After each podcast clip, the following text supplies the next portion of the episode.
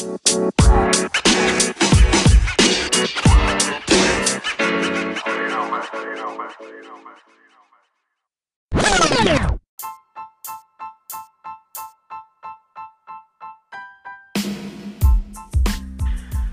selamat siang para pendengar dan para pembelajar di mana pun Anda berada. Kembali menyapa Anda saya Aditya Trojan mengudara di pukul 11 lewat 59 menit waktu Indonesia Tengah Kembali di hari ini di hari Kamis di tanggal 10 Februari 2022 Nah seperti yang saya sudah sampaikan pada season uh, pembukaan di season 2 kemarin ya yakni ada beberapa mata kuliah yang baru yang akan saya jelaskan pada materi uh, di season 2 ini. Kemudian ada pembelajaran marketing tingkat lanjut yakni manajemen pemasaran 2.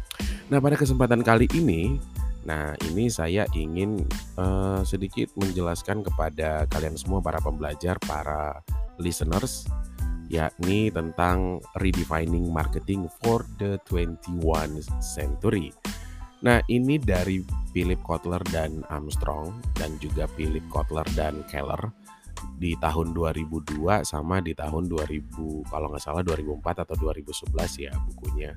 Nah, eh, ini cetakan ke-13 yang di mana eh, pada bagian setelah preface bagian daripada buku tersebut itu menjelaskan tentang redefining marketing for 21 century.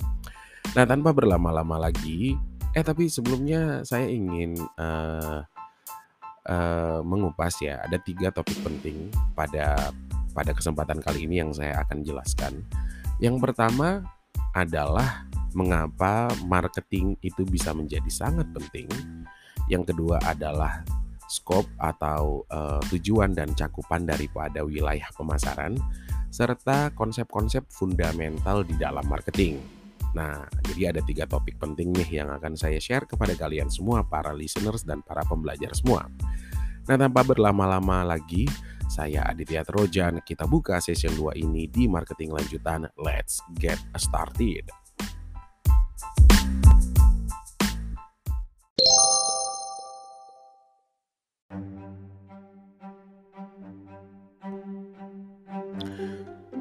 Oke para pendengar, para pembelajar di mana pun Anda berada. Nah seperti yang sudah saya sampaikan di awal Bahwa learning objektif ada tiga ya. Yang pertama itu adalah Mengapa marketing itu bisa menjadi sangat penting. Yang kedua tujuan dan sasaran atau marketing scopes.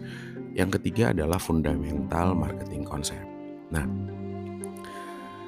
tapi ada baiknya sebelum kita melangkah lebih jauh ya jadi saya ingin memaparkan sedikit nih secara definisi dan konsep daripada pemasaran.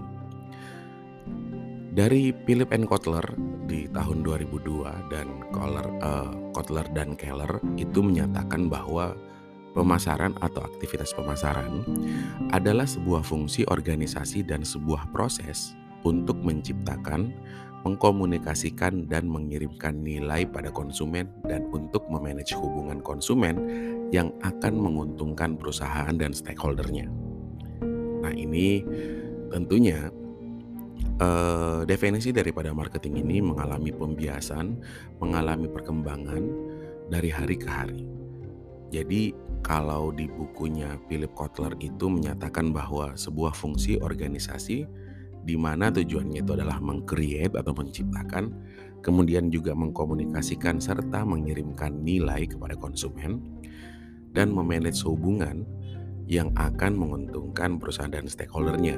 Nah, namun kalau dari saya, uh, bukan hanya sekedar menciptakan barang, bukan hanya juga sekedar mengkomunikasikan terlebih uh, untuk menguntungkan stakeholder, namun di sini aktivitas pemasaran adalah harus berujung pada win-win solution. Harus memberikan keuntungan tidak hanya bagi uh, perusahaannya sebagai produsen melainkan juga uh, konsumen bahkan masyarakat luas. Karena dalam teori triple bottom line itu saya kurang tahu ya, saya lupa siapa. Oh, John Elkington. Oke. Okay. John Elkington ini menyebut ada tiga konsep dasar uh, bentuk pertanggungjawaban. Yang pertama atau tiga concern utama yakni people, profit, and planet. Jadi segala bentuk aktivitas itu menguntungkan semua orang, termasuk perusahaannya dan orang lain.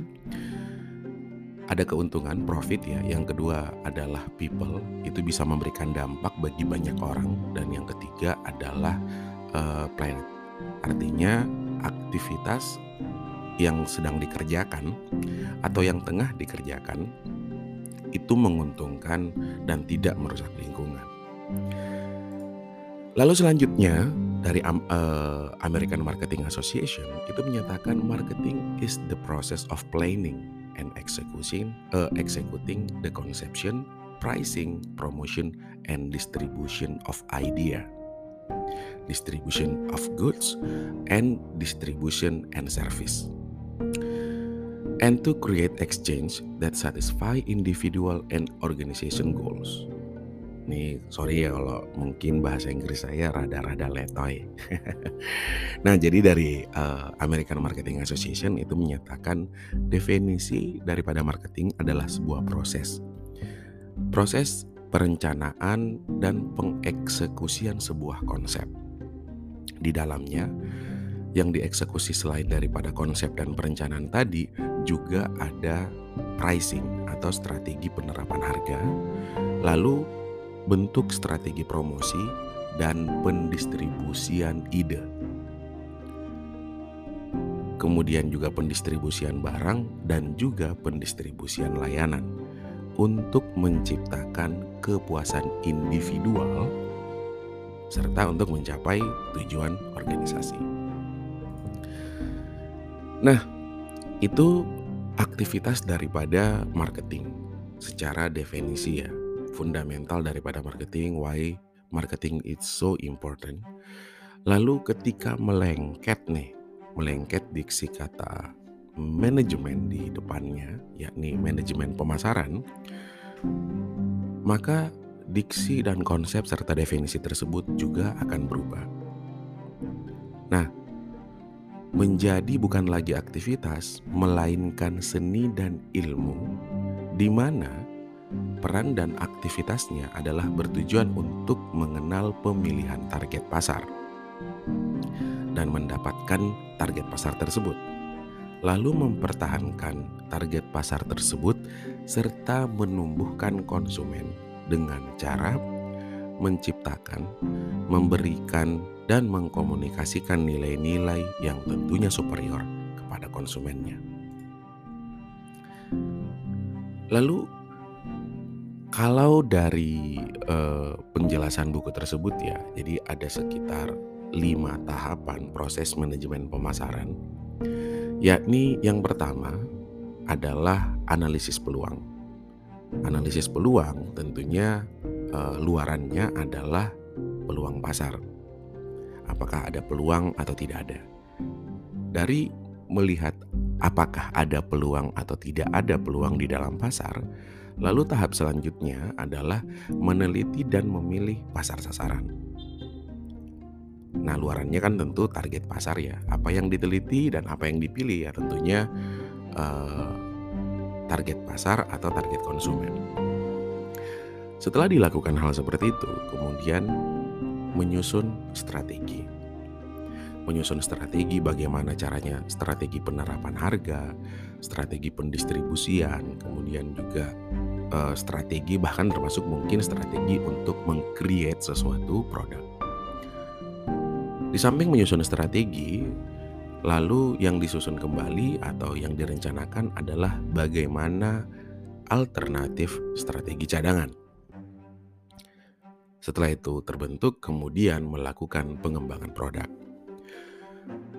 Dari McCarthy 1970, jadi uh, itu dikenal ada 4P atau marketing mixnya dari McCarthy 1970 itu 4P. Yang pertama adalah uh, price, promotion, product and place. Kemudian pada sektor jasa kemudian berkembang menjadi 7P. Jadi ada people dan seterusnya. Lalu proses pengembangan produk dari diksi kata marketing mix itu makin lama makin berkembang. Nah, nanti mungkin persoalan marketing mix yang kian berkembang nanti saya akan jelaskan di segmen selanjutnya. Kemudian setelah melakukan pengembangan produk yang dilakukan oleh para marketer atau aktivitas pemasaran adalah mengimplementasikan dan melakukan pengendalian. Apa yang dikendalikan? Ya, apa yang telah direncanakan dan apa yang tengah dijalankan. Tujuannya untuk apa? Adalah tujuannya untuk menilai apakah kinerja pemasaran telah berjalan sesuai dengan koridornya, telah berjalan sesuai di relnya, dan telah menghasilkan keuntungan atau tidak.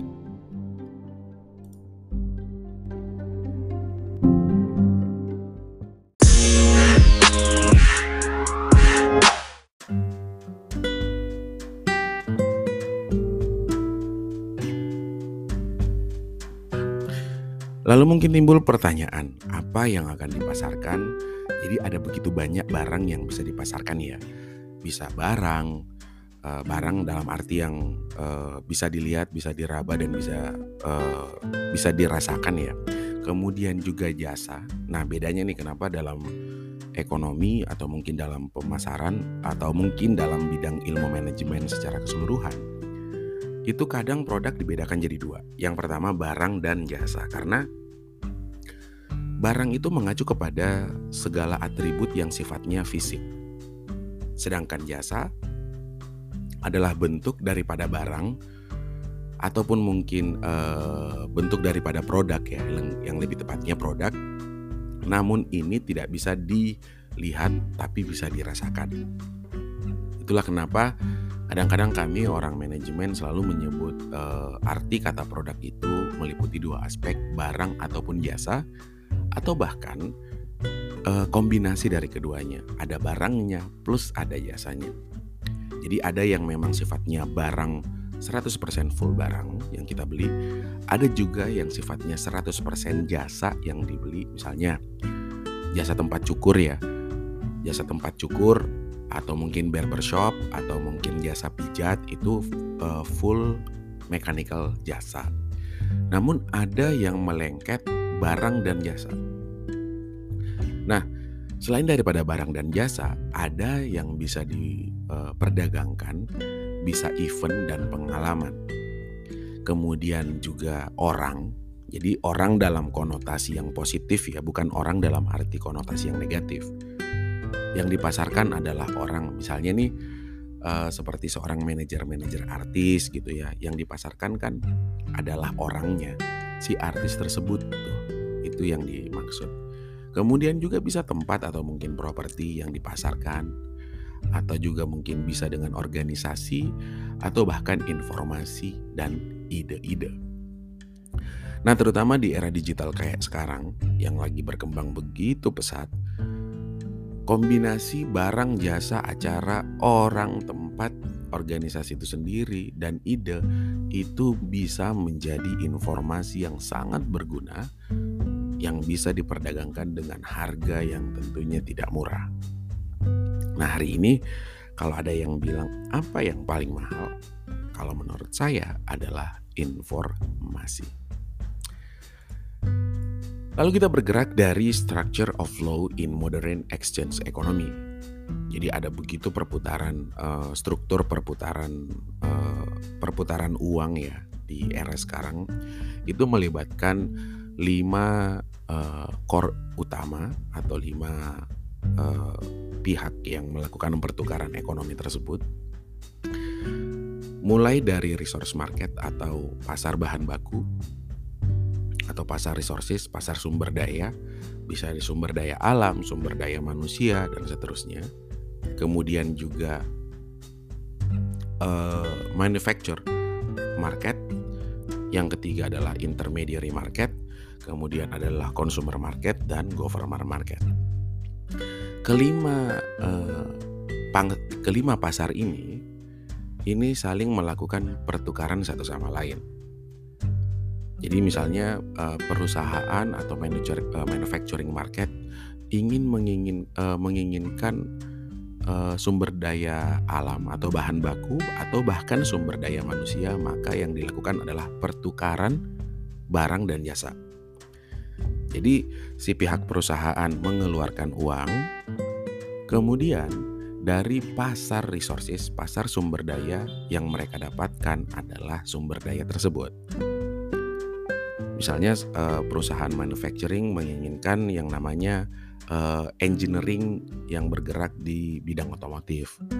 Dia mengeluarkan uh, surat di mana mereka menerima karyawan baru. Nah, itu ditangkap tuh sama uh, resources market atau pasar tenaga kerja Nah, yang terjadi adalah kompensasinya uh, si perusahaan akan mengeluarkan uang untuk mendapatkan balas jasa tersebut. Begitu juga dengan consumer market. Consumer market uh, menginginkan yang namanya uh, sumber daya sumber daya atau uh, resources, maka yang dikeluarkan adalah uang dan terjadilah pertukaran sampai pada intermediary markets dan government markets. Nah, di dalam aktivitas tersebut, tentu proses untuk menciptakan uh, sebuah bagan alir promo uh, bagan alir uh, marketing tidak hanya melibatkan pertukaran uang sebagai kom bentuk uh, bentuk kompensasi untuk mendapatkan barang atau jasa yang dimaksud. Namun ada yang bertukar selain daripada dua itu. Apa itu? Yang pertama adalah mengkomunikasikan atau komunikasi yang tentunya bertukar dan informasi yang juga bertukar. Jadi ada unsur pelayanan dan ada unsur yang saling menguntungkan dalam bentuk pertukaran informasi. Lalu bicara tentang syarat terjadinya pertukaran. Nah, yang pertama adalah terdapat dua pihak yang terlibat, jadi ada yang membutuhkan dan ada yang dibutuhkan.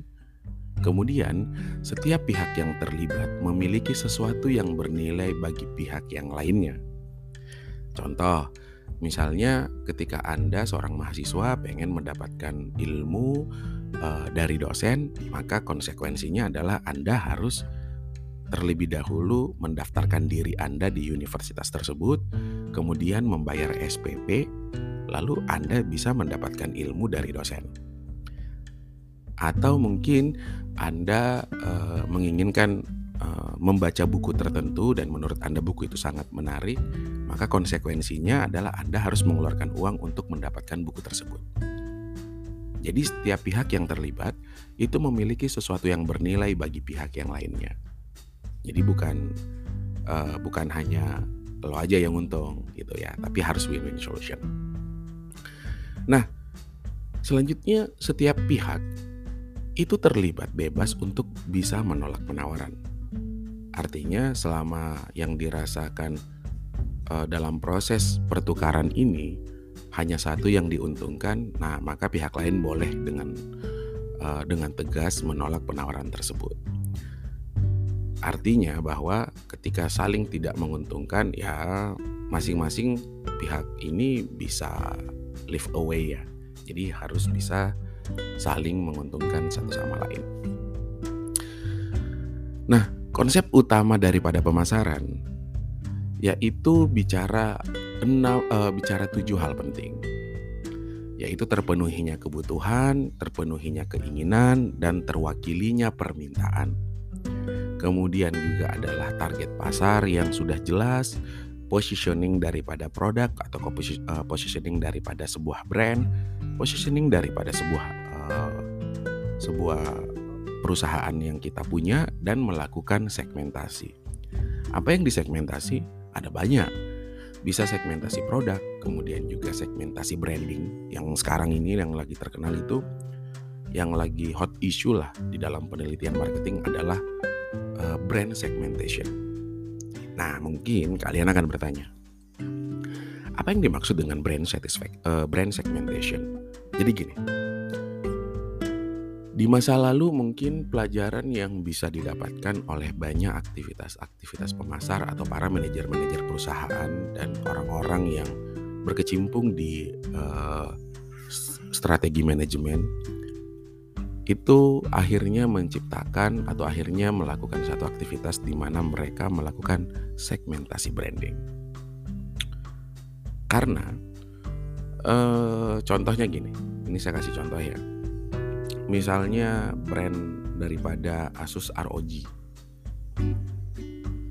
Kemudian tidak lama kemudian Asus itu uh, mensegmentasi brandnya.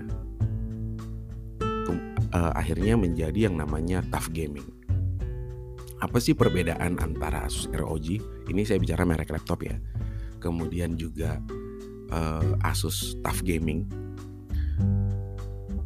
Kalau ROG itu kan terkenalnya uh, mahal banget ya. Kemudian ada nih market-market, ada konsumen-konsumen yang tidak bisa membeli dengan harga segitu, tetapi pengen juga menikmati sensasi menggunakan uh, laptop tersebut. Daripada uh, ceruk pasar ini diambil oleh kompetitor, katakanlah misalnya seperti MSI, Gigabyte dan seterusnya, maka ROG membuat brand yang baru namanya Tough Gaming. Pertanyaannya kenapa ROG tidak membuat barang yang murah aja? Nah itu kalau zaman dulu seperti itu Dan zaman dulu yang masih dilakukan oleh Samsung hari ini Nah misalnya Samsung Lipat yang harganya 300 ribu Kemudian juga Samsung A5, A71 yang seri middle Kemudian juga Samsung S, uh, S21, S22 yang uh, high end dan yang ultra N yang ultra banget itu misalnya adalah Samsung Galaxy Note. Bahkan yang paling terbaru adalah Samsung Z Fold. Namun ada pro dan kontra ada sisi positif ketika kita hanya sekedar mensegmentasi produk tapi tidak mensegmentasi brand. Ketika kita ketika kita hanya berfokus pada segmentasi produk maka produk tersebut bisa kehilangan uh, kehilangan apa ya sensasi kemewahannya. Menurut saya ya. Jadi saya nih misalnya beli Samsung uh, Z Fold. Kemudian teman saya punya Samsung A71 sekilas memang yang berbeda adalah harga fitur dan seterusnya. Namun Samsung is Samsung Hal ini berbeda ketika saya menggunakan ROG. Misalnya laptop ROG harganya 30 jutaan, kemudian teman saya punya Tough Gaming. Bagi orang yang memahami produk ini, ini produk uh, dibuat di pabrik yang sama, di bawah manajemen yang sama, sama-sama di bawah Asus. Namun bukan hanya harga yang berbeda, namun juga merek yang kelihatan berbeda. Satu tulisannya ROG dan satu tulisannya Tough Gaming. Mengapa hal ini, mengapa segmentasi brand itu begitu penting? Karena tujuannya itu tadi untuk mempertahankan citra kemewahan sebuah brand. Makanya kenapa Apple sampai saat ini tuh sampai saat ini eh, menurut saya mereka kewalahan kira-kira pengen ngebuat branding apa gitu mereka takut ketika mereka melakukan segmentasi produk, pernah mereka lakukan segmentasi produk, pernah waktu itu mereka membuat uh, iPhone 5C dan itu tidak diterima oleh pasar dengan baik. Lalu mereka kayaknya mereka ingin uh, membuat yang namanya segmentasi brand. Namun bingung brand yang kayak mana gitu yang akan pengen mereka buat. Atau contoh lain daripada segmentasi brand misalnya seperti uh, Lenovo dan Elovo. Kemudian juga Xiaomi dan Realme. Ya Realme kalau nggak salah ya. Jadi Xiaomi jadi Mi, kemudian membuat yang namanya Realme. Atau Xiaomi uh, kemudian mereka buat yang namanya uh, Black Shark yang lebih mewahnya lagi. Atau mungkin apa ya? Oppo dan Pocophone. Nah, itu salah satu contoh yang dimaksud daripada segmentasi brand. Karena gini, brand-brand yang sudah mewah tentunya harapannya adalah tidak boleh tidak mewah dong. Namun, seperti kata pepatah, meraih puncak itu tentu tidaklah susah, tetapi tentu tidak se, tidak tidak sesulit ketika Anda sudah sampai di puncak. Artinya adalah sulit untuk mempertahankan prestasi yang sudah ada daripada meraihnya dari tangan orang lain. Nah, brand-brand yang datang uh, berkembang hari demi hari yang kemudian juga banyak brand-brand baru bermunculan itu kan sebenarnya menjadi bibit ancaman bagi brand-brand yang sudah mapan. Ya kecuali kalau brand tersebut atau eh, perusahaan tersebut itu sadar kalau itu adalah sebuah ancaman gitu. Nah, tapi dalam bukunya apa yang pernah saya baca ya, uh, satu buku itu yang menyatakan gini, hanya penakut yang menjadi pemenang dan itu menceritakan tentang sebuah perusahaan yang memang benar-benar takut. Jadi dia melihat segala sesuatu yang terjadi dengan uh, konsep ketakutan sehingga ketakutan itu yang membuat dia semakin berani. Nah, brand-brand yang sudah mapan ini di satu sisi pengen maju tapi udah ada di puncaknya. Di satu sisi pengen mempertahankan tentu uh, budgeting cost-nya eh, cost budgeting cost budgeting cost itu sama aja ya budget dan cost maksudnya uh, operational cost dan kemudian juga maintain costnya itu jauh lebih besar sehingga padahal pada saat itu kadang-kadang banyak uh, banyak brand-brand yang sudah mapan pengen melakukan project, pengen melakukan atau pengen menjalankan ide-ide baru tapi mereka takut ya. Mereka takut jangan sampai itu bisa merusak citra mereka Nah, dibuatlah uh, brand brand bayangan, brand proyekan gitu. Nah, sama seperti saya, kalau saya kan di dalam uh, menjalani aktivitas bisnis saya di bidang jasa, itu saya juga punya banyak brand. Yang pertama ada namanya Scopus Hack, yang kedua ada namanya Golden Ratio, yang ketiga ada brand yang kami uh, joint venture dengan teman saya namanya itu Point of View. Dan ada begitu banyak brand-brand lagi yang lain yang uh, saya gawangi gitu. Nah, ada ide yang saya tidak bisa terapkan di Scopus Hack atau ada ide yang saya tidak bisa terapkan di di Golden Ratio karena menurut saya ide ini saya takut tidak bisa diterima oleh market. Tidak bisa diterima oleh konsumen saya sehingga padahal ide ini patut untuk dicoba.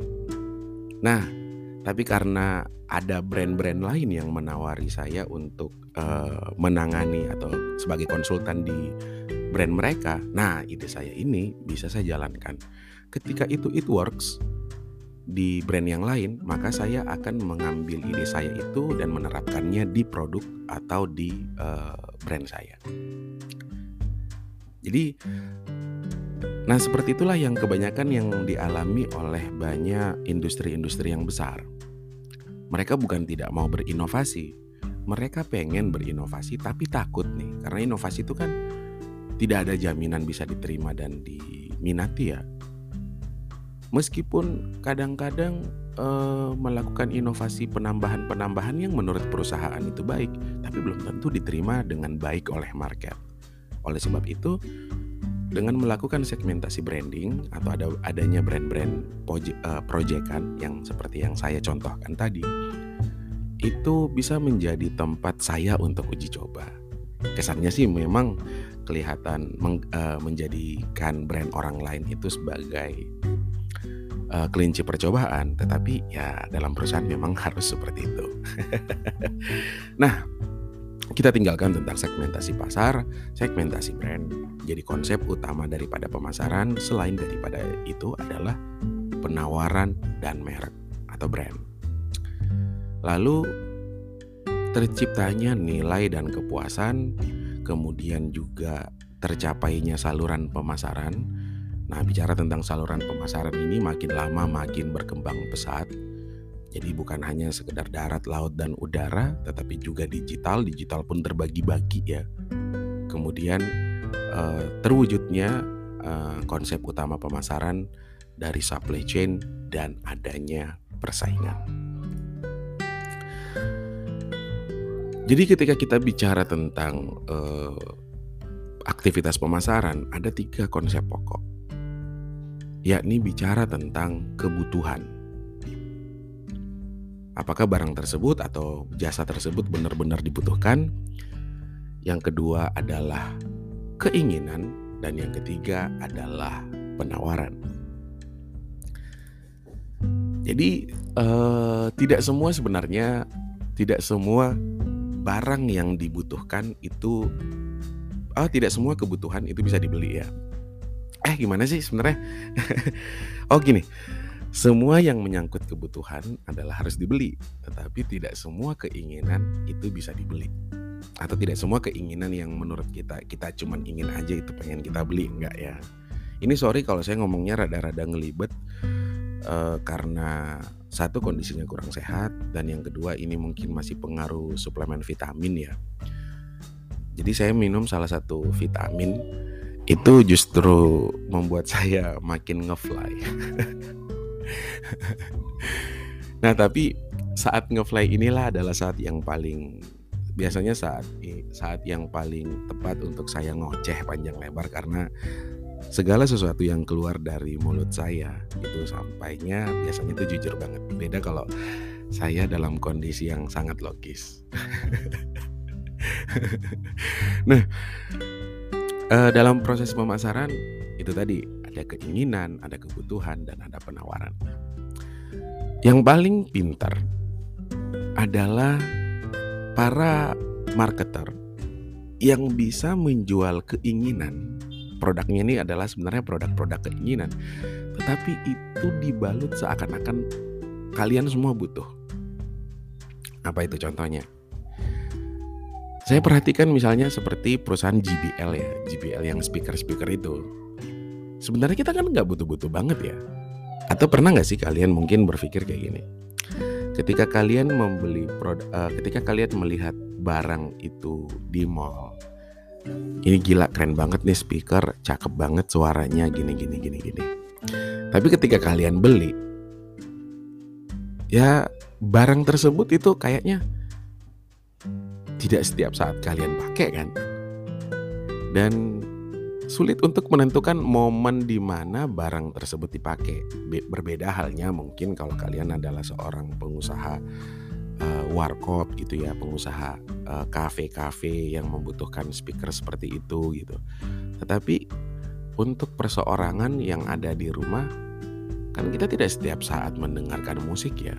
Kalaupun kita mendengarkan musik utamanya hari ini itu udah lebih privacy, lebih menggunakan headset, lebih menggunakan headphone dan seterusnya daripada memutar itu memutar musik itu gede-gede gitu. Nah, kadang-kadang uh, saya kalau membeli barang seperti itu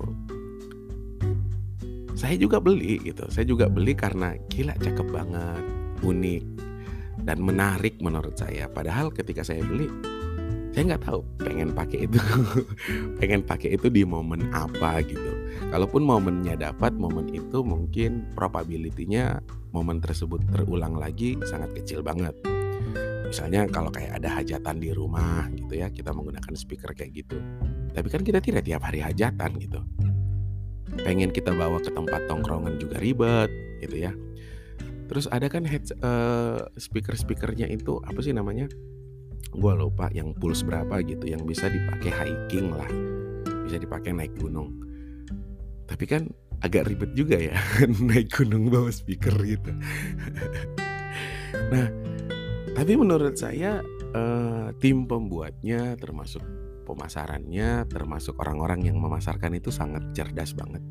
Artinya mereka mampu menjual barang yang itu hanya keinginan sebenarnya tetapi seolah-olah kalau saya nggak beli kayaknya saya ketinggalan nih, saya ketinggalan zaman. Jadi mengubah keinginan kita akhirnya menjadi sebuah kebutuhan. Lalu timbullah kemampuan baru daripada konsumen. Apa yang dimaksud dengan kemampuan-kemampuan baru ini? Yang pertama adalah terjadinya kenaikan secara substansial dalam kekuatan membeli. Makin lama orang-orang yang dulunya kere makin lama orang itu nggak kere. Ya kan? Ya di zaman dulu ya mungkin dia masih SMA gitu. Kemudian kuliah pendapatannya mungkin masih dari nol pendapatannya jadi dua karena kuliah kan. Terus setelah selesai kuliah mereka kerja. Kerja itu udah bisa punya penghasilan. Nah itu yang dimaksud dengan kenaikan substansial dalam buying power. Yang dulu mungkin beli sepatu itu KW ya. Lama-lama beli KW dua gitu. Tapi ketika dia sudah dapat pekerjaan yang bagus, dapat gaji yang bagus, nah mereka itu udah nggak nggak beli KW lagi. Mereka pelan-pelan untuk mencoba membeli barang ori yang murah. Jadi ori tapi murah. Kemudian berevolusi akhirnya membeli barang ori yang mahal. Jadi sepatu, ini gue ceritain diri gue sendiri ya.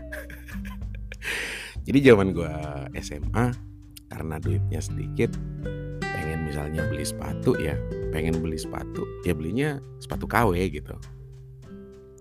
Lama-lama nabung-nabung punya duit agak lumayan yang saya beli Converse Ori itu pun di event-event tertentu. Misalnya kebetulan dia lagi cuci gudang. Jadi uh, saya uh, saya itu sekolah di di tengah kota. Dan di situ ada Planet Sport ya yang stand alone uh, tokonya. Jadi cuman jalan-jalan aja. Jadi pas ngelihat dia lagi cuci gudang ya udah gua beli. Kalian mungkin tidak percaya kalau pernah saya membeli uh, Converse itu harganya itu 100 ribu loh. Dan itu ori dan itu ori. Ori di tempatnya. Karena ya emang cuci gudang. Nah duit saya ada 300 ribu saya belilah dua. Dua kan? Jaman tahun itu kalau nggak salah 2005 nah lama-lama karena tertarik uangnya dipulang ke rumah uangnya makin banyak uh, minta sama orang tua maksudnya besok beli lagi beli lagi beli lagi. Jadi artinya uh, saya membeli dalam kondisi tertentu jadi barangnya kebetulan selnya besar-besaran, itu cuci gudang dan seterusnya dan saya beli. Nah, lama-lama kemudian bekerja. Di fase bekerja eh, saya tidak membeli barang ori lagi. Namun karena membeli barang ori kan harganya mahal ya. Yang saya beli adalah barang ori yang murah. Misalnya sepatu-sepatu brand lokal gitu jadi tidak lagi membeli barang ori produk e, merek tertentu enggak gitu. Misalnya seperti Adidas dan Nike enggak atau mungkin Under Armour itu enggak. Jadi belinya adalah barang yang ori, original tapi murah. Nah, lama-lama terjadilah peningkatan peningkatan pendapatan gitu. Jadi seiring usia yang berkembang, karir menanjak naik, pendapatan pun akan naik. Nah, pendapatannya naik, akhirnya coba-coba nih. Beli brand beli brand ori yang mahal satu. Puas duitnya masih ada beli sepatu brand mahal dua tiga empat lima sampai belasan gitu. Padahal sorry gua batuk. Padahal di zaman dulu ketika saya ngelihat teman saya beli sepatu ori yang harganya 2 jutaan, 3 jutaan, itu pikiran saya itu bukannya suka gitu. Saya pada waktu itu jadi kaum mendang mending ya.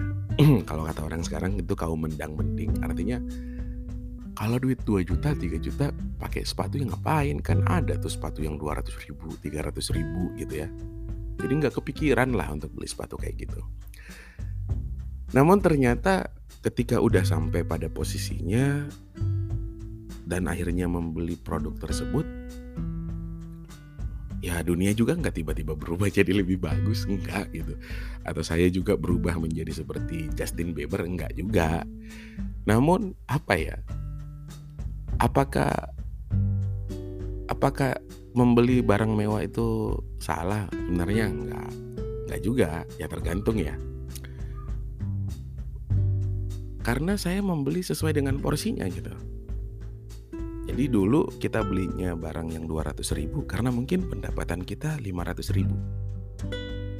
Namun kita membeli barang 2 juta, 3 juta ya mungkin karena pendapatan kita udah 30 jutaan. Ya kan aneh aja ya pendapatan 30 jutaan belinya 200 ribu. Apakah itu salah? Nggak salah juga. Tetapi lebih ke tidak mensyukuri nikmat Tuhan aja menurut gua. nah, jadi akhirnya uh, sampai di fase itu gue paham. Gue akhirnya paham kenapa orang-orang yang mohon, mohon maaf ya yang bisa beli mobil miliaran gitu mereka mereka tidak peduli dengan uangnya atau mungkin mereka pakai tas yang harganya 500 juta mereka tidak peduli. No ya karena uang mereka mungkin cadangan uangnya itu 10 kali lipat dari uang mereka eh cadangan uangnya 10 kali lipat dari barang yang mereka beli jadi ya nyantai-nyantai aja lah gitu nah kita lanjut lagi di sesi uh, penjelasan berikutnya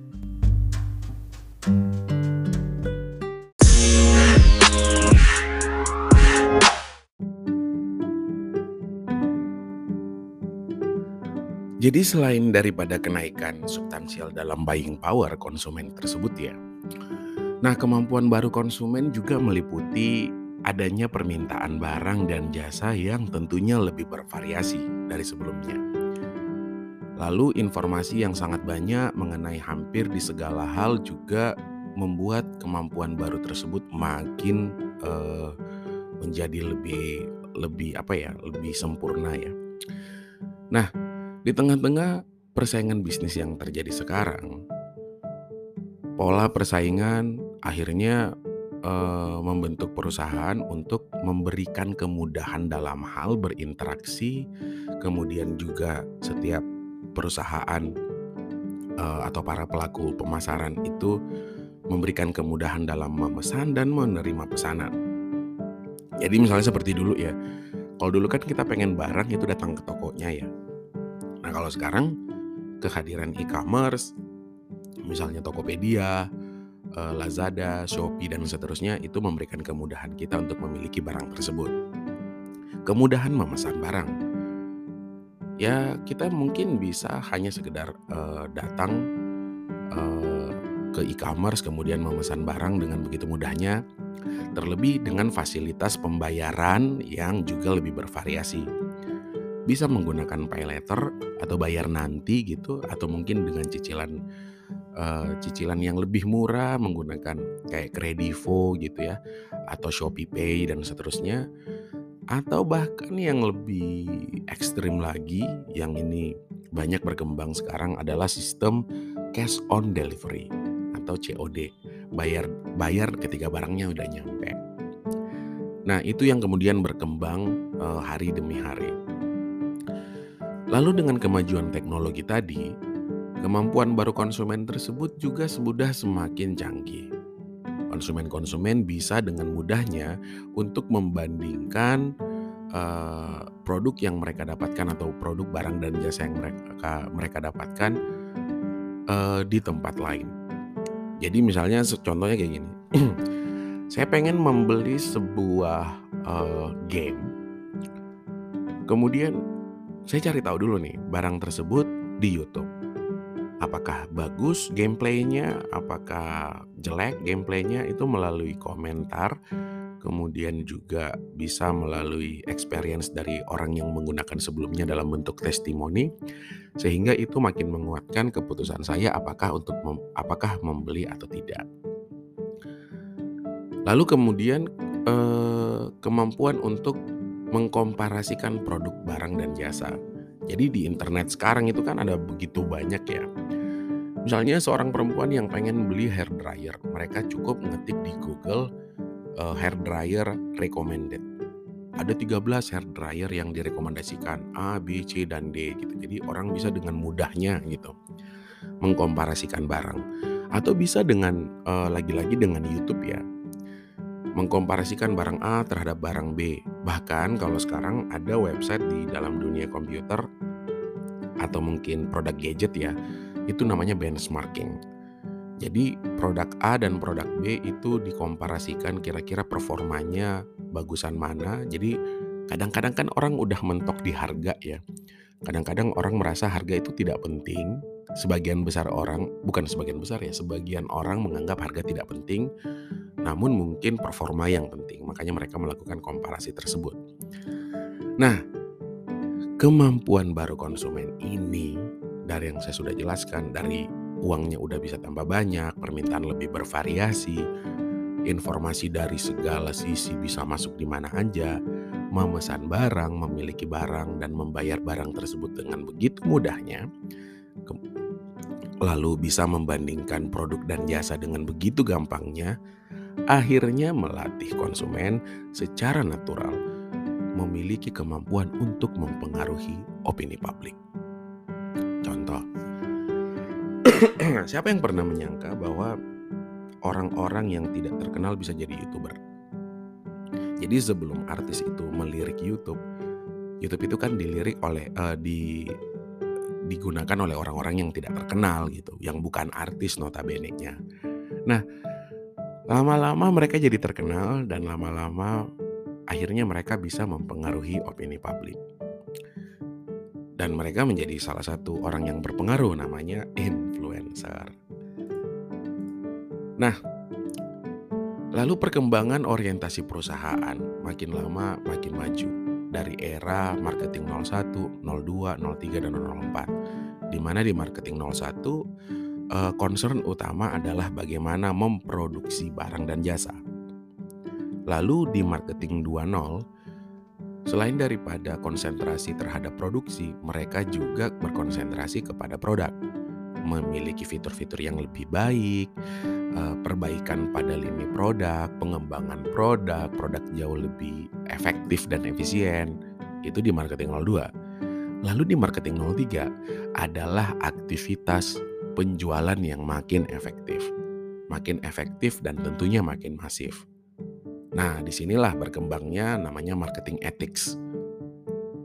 Marketing ethics uh, atau ada bahkan di banyak jurnal saya baca tentang marketing morality. Jadi bukan hanya konsentrasi terhadap bagaimana peningkatan sales namun juga dalam aktivitas menjual dan memasarkan sedikit banyaknya jangan melanggar kaidah-kaidah etika. Misalnya nih, di malam hari mungkin Anda bertanya ya, kenapa iklan rokok itu harus ada di tengah malam? Ya karena itu melanggar etika kalau ditayangkan di uh, di jam-jam premier anak-anak nonton ya. Jadi makanya iklan-iklan dewasa, iklan rokok, iklan apa pun yang uh, konsumennya orang-orang dewasa itu dipindahkan di tengah malam. Itu salah satu contohnya. Lalu Selain daripada itu di marketing 4.0 kemudian berubah menjadi bagaimana aktivitas pemasaran itu menjadi lebih holistik. Jadi holistic marketing.